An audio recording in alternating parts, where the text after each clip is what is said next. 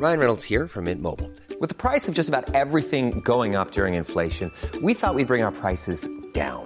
So to help us, we brought in a reverse auctioneer, which is apparently a thing. Mint Mobile unlimited premium wireless. Ready to get 30, 30, bit to get 30, bit to get 20, 20, 20, bit to get 20, 20, bit to get 15, 15, 15, 15 just 15 bucks a month. So, Give it a try at mintmobile.com slash switch. $45 upfront for three months plus taxes and fees. Promo for new customers for limited time. Unlimited more than 40 gigabytes per month. Slows. Full terms at mintmobile.com. Life is full of awesome what ifs, and some not so much, like unexpected medical costs. That's why United Healthcare provides Health Protector Guard fixed indemnity insurance plans to supplement your primary plan and help manage out of pocket costs. Learn more at uh1.com. Mother's Day is around the corner. Find the perfect gift for the mom in your life with a stunning piece of jewelry from Blue Nile. From timeless pearls to dazzling gemstones, Blue Nile has something she'll adore. Need it fast? Most items can ship overnight. Plus, enjoy guaranteed free shipping and returns. Don't miss our special Mother's Day deals. Save big on the season's most beautiful trends. For a limited time, get up to 50% off by going to BlueNile.com. That's BlueNile.com.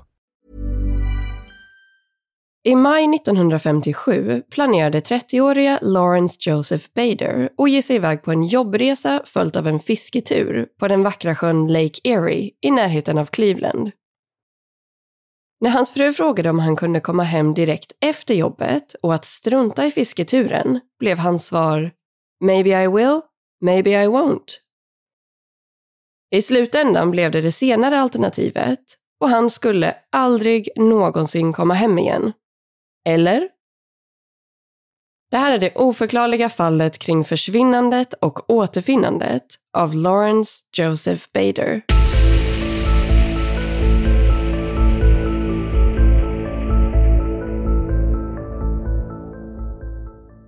Hej på er och varmt välkomna ska ni vara till ännu ett avsnitt av Rysapodden. Och återigen, eller eh, kanske som vanligt, så får vi tyvärr stå ut med att jag har en riktigt härlig förkylningsröst med en liten touch av pollenallergi. Men givetvis så blir det ett avsnitt även denna vecka och dessutom ett riktigt märkligt sådant. För idag ska ni nämligen få ta del av fallet kring Lawrence Joseph Bader. Och man skulle också kunna säga att det faktiskt är lite olikt andra typer av fall som vi har tagit upp här i podden. Men i och med att många av er faktiskt gillar olösta fall som senare har blivit lösta, så tänkte jag att det ändå kunde vara intressant att ha med. Men ni slipper inte undan helt, för eh, det ska sägas att det fortfarande finns otroligt många obesvarade frågor. Men nu tar vi och kör igång.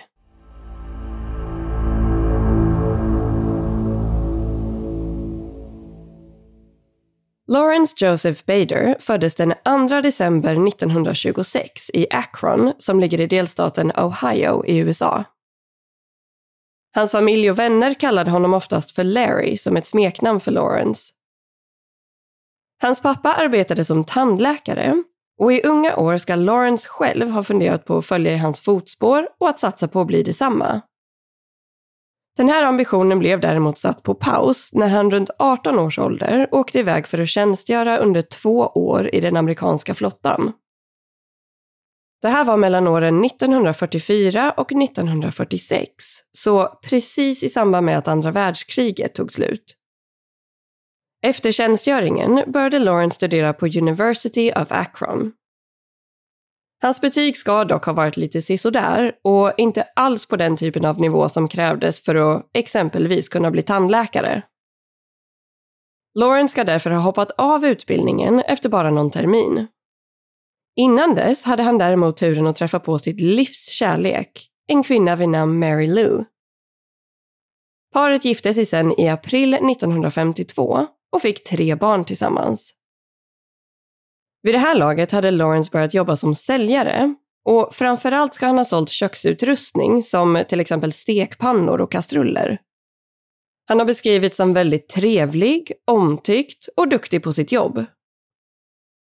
Däremot tjänade han inga större mängder pengar och med tanke på att han och Mary Lou hade tre barn tillsammans så fanns det ju såklart en del utgifter i familjen. Ekonomin blev sedan mer och mer lidande och till slut började Lawrence slarva med sina skattebetalningar. Eller slarva är nog att uttrycka sig milt, för enligt uppgifter ska han inte ens ha skickat in några deklarationer under flera års tid. Något som troligtvis var lite enklare att komma undan med på den tiden än vad det är idag. Men det här ledde i alla fall till att Lawrence byggde upp en enorm skatteskuld som han troligtvis aldrig skulle ha kunnat betala av med sin redan begränsade inkomst. Utöver skatteskulden hade familjen bland annat ett bolån på sitt hus som låg i området West Hills i Akron. Men allt var såklart inte negativt för Lawrence. Han beskrivs överlag som en vänlig, glad och social person som älskade att umgås med familj och vänner. På fritiden ägnade han sig också mycket åt bågskytte, som var ett av hans absolut största intressen. Men nu tänker jag att vi ska ta och hoppa fram till själva dagen då Lawrence faktiskt försvann. Mer exakt var det här onsdagen den 15 maj 1957. Det ska dock sägas att det finns flera källor där ute som säger att det var den 15 mars 1957. Men utifrån väldigt många källor och kanske de mer trovärdiga källorna så ska det ha varit den 15 maj. Lawrence var nu 30 år gammal och hans fru Mary Lou hade hunnit bli gravid med parets fjärde barn. Just den här dagen var planen att han skulle ge sig iväg på en jobbresa till den närliggande staden Cleveland. Lawrence förklarade också för sin fru att han planerade att stanna kvar lite längre för att han ville åka och fiska i området efter att han var färdig med sina jobbrelaterande ärenden. Med tanke på att paret hade tre barn och att Mary Lou nu var gravid med ett fjärde barn så ska hon därför inte ha varit särskilt entusiastisk kring den här idén. När hon förklarade detta för Lawrence och bad honom att komma raka vägen hem istället så ska hon däremot ha mötts av det extremt ohjälpsamma svaret “Maybe I will and maybe I won't”. Och som ni redan har förstått så skulle det ju faktiskt visa sig bli det senare alternativet för Lawrence skulle aldrig komma hem igen och efter den här dagen skulle familjens liv aldrig bli detsamma. Han hoppade in i bilen och körde sedan i ungefär 45 minuter till Cleveland. Det är inte helt tydligt om han faktiskt hade något jobbärende där eller inte, men man vet däremot att Lawrence under tiden han var i Cleveland passade på att betala ett par räkningar och att lösa in en check på 400 dollar. En summa som idag skulle motsvara drygt 4 000 dollar eller 40 000 kronor. En av räkningarna som betalades den här dagen var en premie för hans egen livförsäkring. Efter detta så begav sig Lawrence till den närliggande sjön Lake Erie som sträcker sig över gränsen mellan USA och Kanada. Väl där besökte han ett ställe som hette Eddies Boathouse för att hyra en båt och det här ska ha varit någon gång ganska sent på eftermiddagen den 15 maj. I samband med att Lawrence hyrde båten så förklarade ägaren till Eddies Boathouse att en storm var på väg emot området. Men det här avskräckte inte Lawrence. Han betalade en handpenning för båten och frågade specifikt om att båten skulle vara utrustad med lampor. Detta trots att ägaren förklarade att det nog inte behövdes eftersom att det inte skulle bli mörkt förrän om flera timmar. Och enligt den här ägaren till Eddies Boathouse så ska Lawrence ha haft med sig en resväska när han sen gav sig iväg i båten. En mindre typ av motorbåt som var utrustad med åror. En kort stund senare fick kustbevakningen syn på Lawrence ute på sjön och även de sa åt honom att en storm var på väg in och att det inte var en bra idé att ge sig ut på vattnet.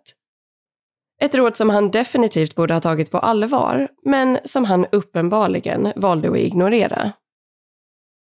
Bara ett par timmar senare drog stormen in över Lake Erie, precis som man visste att den skulle göra.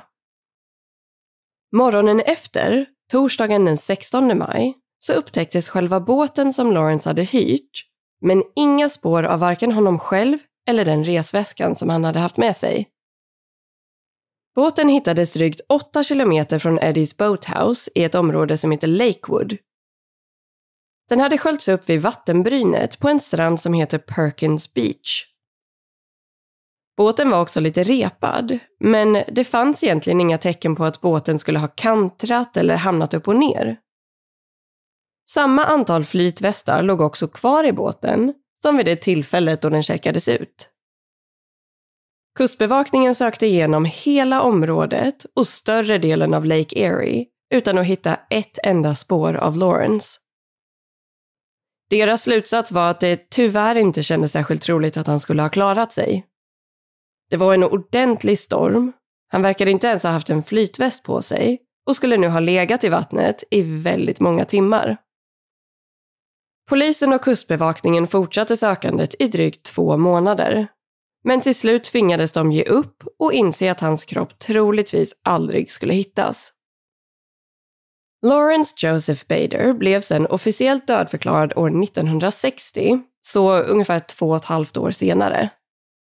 Och stackars Mary Lou blev såklart helt förkrossad över att hennes make aldrig kom hem igen. Bara ett par månader efter Lawrence försvinnande föddes parets fjärde barn och Mary Lou fick nu uppfostra och ta hand om alla barnen helt på egen hand. Hennes make hade ju varit den i familjen som arbetade och tjänade pengar, så hon tvingades nu leva på bidrag som såklart inte räckte särskilt långt med fyra barn i hushållet. Men lyckligtvis hade ju Lawrence haft en livförsäkring som täckte den här typen av dödsfall. Och som tur var hade han ju också betalat räkningen för försäkringspremien under sitt besök i Cleveland bara några timmar innan han själv försvann ute på sjön.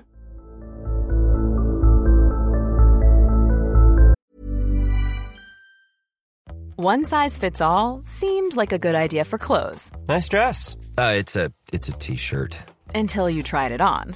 Same goes for your healthcare. That's why United Healthcare offers a variety of flexible, budget friendly coverage for medical, vision, dental, and more. So, whether you're between jobs, coming off a parent's plan, or even missed open enrollment, you can find the plan that fits you best. Find out more about United Healthcare coverage at uh1.com. That's uh1.com. This is Paige, the co-host of Giggly Squad, and I want to tell you about a company that I've been loving, Olive and June. Olive and June gives you everything that you need for a salon quality manicure in one box. And if you break it down, it really comes out to $2 a manicure, which is absolutely insane. It's also so easy to get salon worthy nails at home with Olive and June. The difference between how your nails used to look when you did them yourself and now with the Manny system is a complete game changer. The best thing about Olive and June too is it's a quick dry, dries in about one minute, lasts for five days, and full coverage in up to one to two coats. Visit oliveandjune.com slash perfect Manny 20 for 20% off your first system. That's oliveandjune.com slash perfect Manny 20 for 20% off your first system. Planning for your next trip? Elevate your travel style with Quince. Quince has all the jet setting essentials you'll want for your next getaway, like European linen, premium luggage options, buttery soft Italian leather bags, and so much more. And is all priced at 50 to 80% less than similar brands. Plus, Quince only works with factories that use safe and ethical manufacturing practices. Pack your bags with high-quality essentials you'll be wearing for vacations to come with Quince. Go to quince.com slash pack for free shipping and 365-day returns.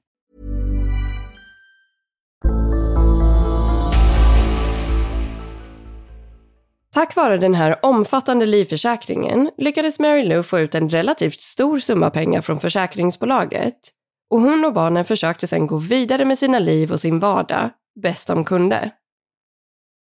Och med det sagt så ska vi nu ta och hoppa tillbaka lite till tidpunkten då Lawrence försvann, det vill säga den 15 maj 1957.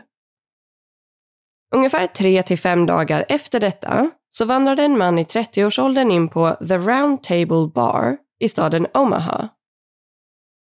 Och nu befinner vi oss alltså i delstaten Nebraska som ligger drygt 12 timmars bilresa från Ohio och Cleveland.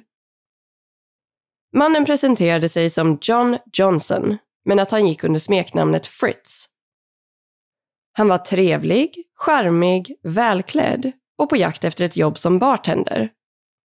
Han hade med sig två resväskor och förklarade för mannen i baren att han reste runt mycket, men att han nu behövde ett jobb. Att han hade tjänstgjort i flottan under 14 års tid, men att han hade blivit utskriven på grund av en ryggskada. Fritz lyckades sälja in sig själv och började inom kort arbeta som bartender på The Round Table Bar. Han var duktig på sitt jobb och blev väldigt populär bland alla besökare. Han pratade mycket och gärna med alla som ville lyssna. Och en av hans många historier handlade om hur han hade fått sitt ovanliga namn. Fritz förklarade då att han hade växt upp på ett barnhem i Boston och att alla barn döptes till väldigt generiska namn som John Johnson, men att de också tilldelades ett unikt smeknamn. Och i hans fall blev smeknamnet Fritz. Det finns dock uppgifter om att han ibland också ska ha sagt att han fick smeknamnet av sina kollegor under sin tjänstgöring i flottan. Men trots alla motgångar han haft i livet så ska Fritz ha varit en riktigt positiv, glad och unik karaktär.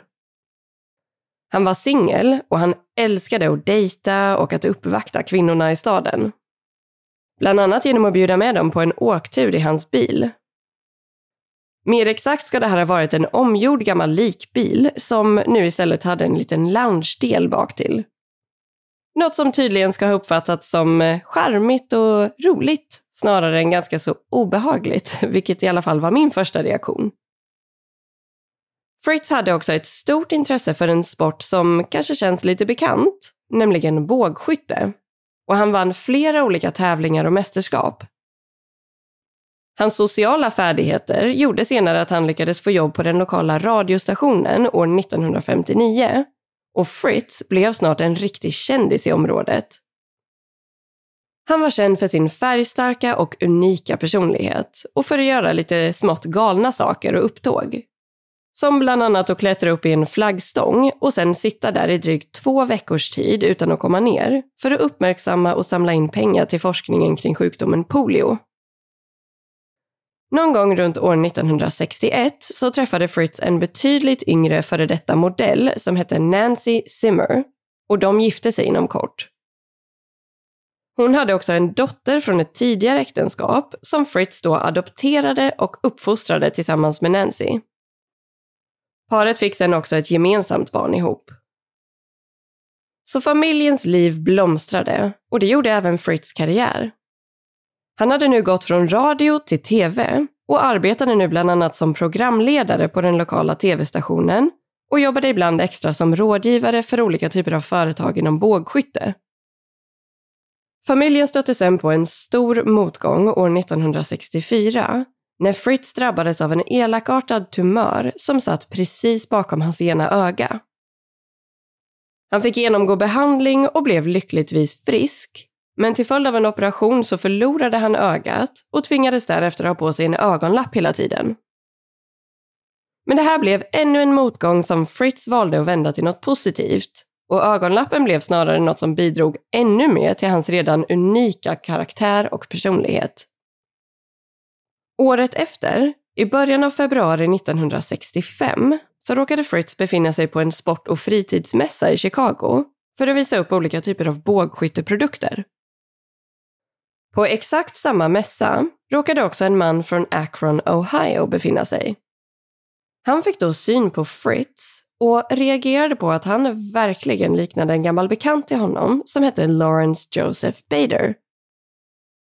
Visserligen hade den här mannen en ögonlapp och mustasch, men utöver det så var de otroligt lika varandra till utseendet. Han visste däremot att Lawrence hade försvunnit för flera år sedan och att han ansågs vara avliden. Men trots detta så valde han ändå att kontakta familjen Bader för att informera om situationen.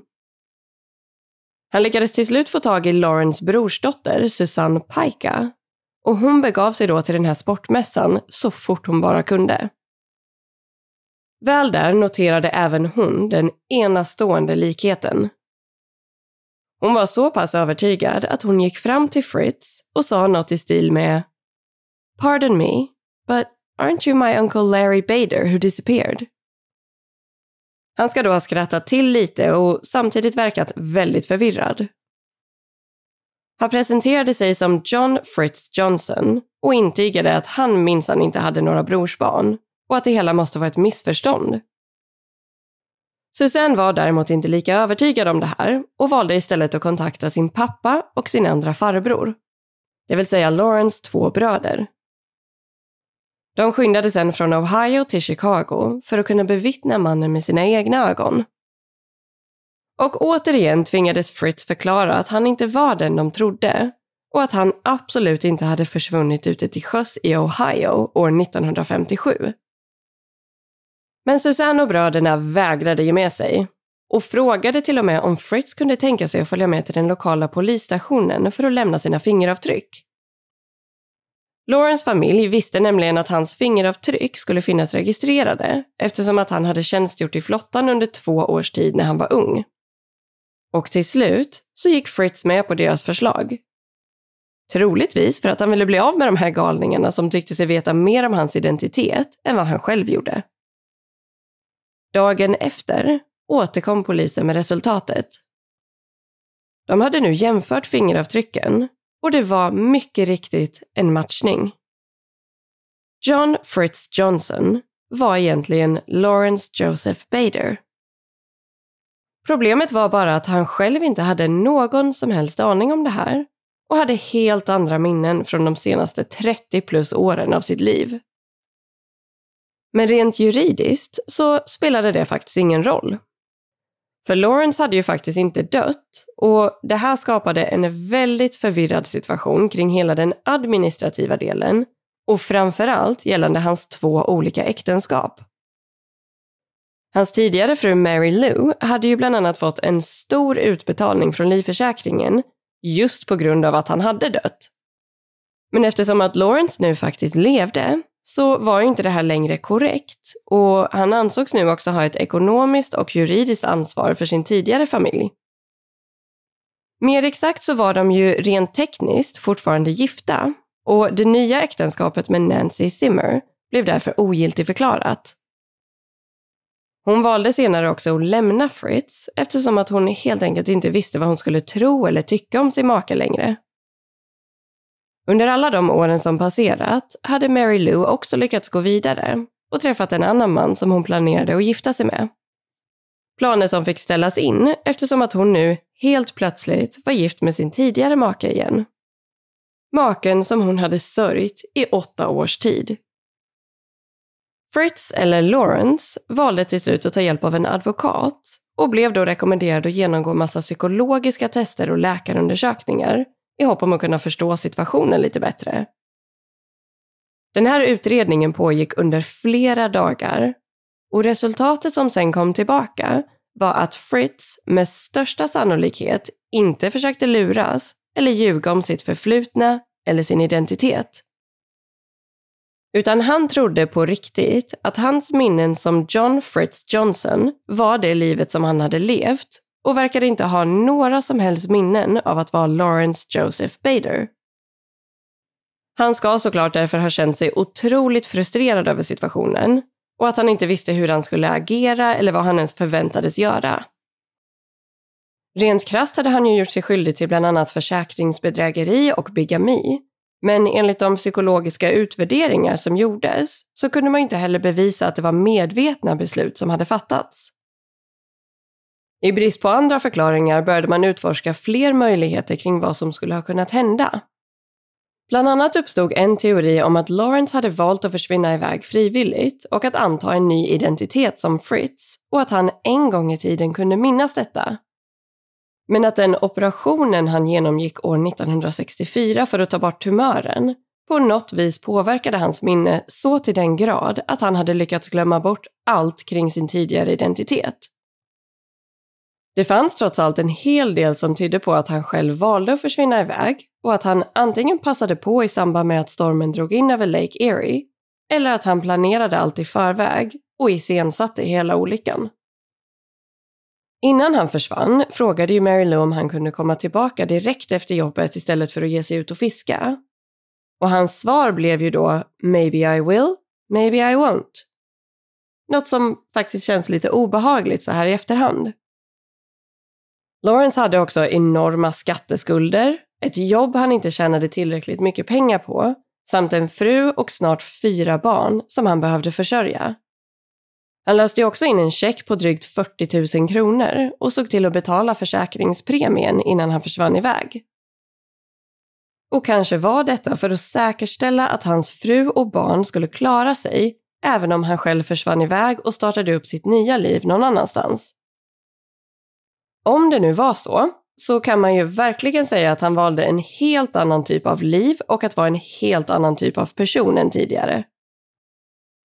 Och om Lawrence nu försvann frivilligt, kom ihåg allting och på något vis lyckats lura alla psykologer och läkare som undersökte honom, så kan man ju säga att han måste ha varit extremt duktig på att ljuga och att hålla inne sina känslor och reaktioner.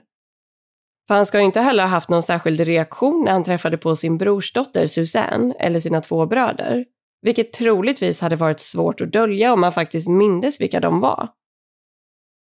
Han gick ju också med och testade sina fingeravtryck hos polisen, vilket man kan tänka att han absolut inte skulle ha velat göra och hade full rätt att säga nej till om han inte skulle vilja bli upptäckt. Utöver det försökte han ju verkligen inte hålla låg profil heller med tanke på att han jobbade både inom radio och tv. Ett ganska ostrategiskt beslut om det var så att han inte ville bli igenkänd och att några personer från hans gamla liv skulle kunna upptäcka honom och förstöra hans nya tillvaro. Och på tal om hans tv-jobb så blev han dessvärre uppsagd i samband med att allt det här kom ut i media. Hans arbetsgivare visste inte heller hur de skulle förhålla sig till situationen och vem den här mannen egentligen var. Fritz, eller Lawrence, började då jobba som bartender igen och fick lägga en stor del av sin låga inkomst till att börja betala av alla sina skulder till bland annat Skattemyndigheten och sina två fruar med tillhörande barn. Mary Lou valde senare att träffa Lawrence, eller mannen som nu kallade sig Fritz, efter det att han hade återfunnits. Vid det här tillfället, som ägde rum i augusti 1965, så hade hon dessutom med sig deras fyra barn. Enligt uppgift var det ett fint möte och han var väldigt trevlig och artig mot sin gamla familj. Men det ska inte alls ha verkat som att han hade några faktiska minnen av vilka de var eller hur han hade känt för dem tidigare.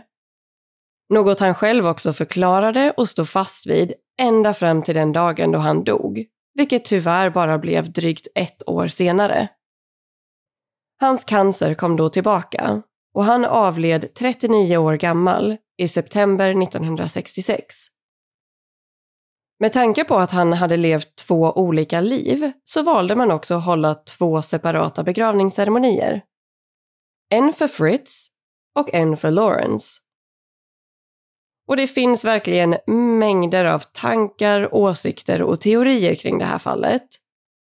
Vissa är helt övertygade om att han var en oerhört skicklig bedragare och andra tror att han faktiskt led av någon form av minnesförlust eller någon annan medicinsk diagnos.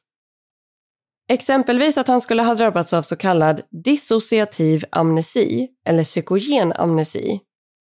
En minnesstörning som ofta kan triggas av trauma eller extrem stress och som gör att personen i fråga inte kan minnas viktiga händelser eller situationer som man tidigare har varit med om. Och att nästan drunkna under en kraftig storm ute till sjöss skulle såklart kunna vara ett trauma. Men i mer allvarliga fall så kan personen även hamna i ett så kallat dissociativt fygtillstånd, vilket är en kombination av minnesförlust och flyktbeteende.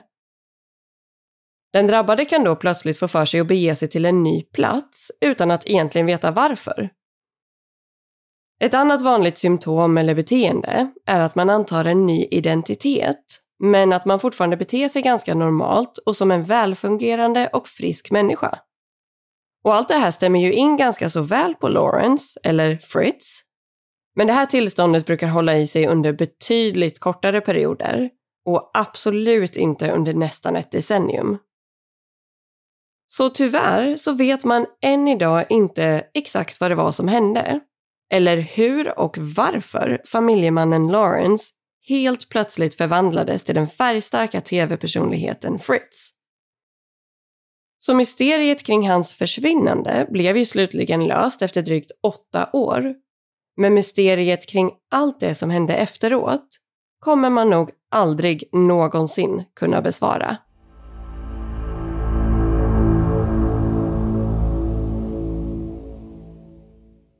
Ja, hörni, vad säger vi om det här fallet då? Jag måste säga att jag har en känsla av att han faktiskt talade sanning och att han faktiskt inte kom ihåg sitt tidigare liv. Eller i alla fall större delen av sitt liv.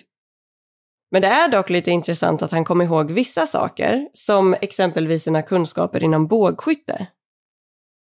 Samtidigt tror jag ändå att man på något vis skulle ha märkt av att han faktiskt mindes, om det nu var så att han gjorde det. För att träffa sina syskon, sin fru eller sina barn igen efter så pass många år skulle ju ändå framkalla någon form av känslomässig reaktion hos de allra flesta av oss. Även om man nu aktivt försökte trycka bort allt och hålla sig lugn. Men man måste verkligen säga att det är ett intressant fall.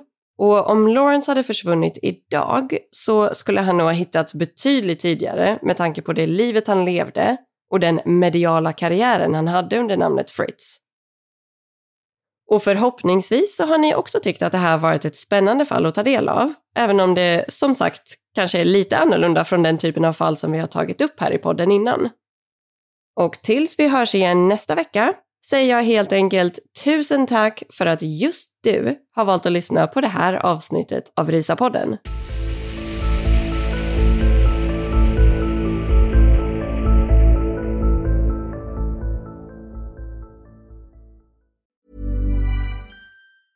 Even when we're on a budget, we still deserve nice things.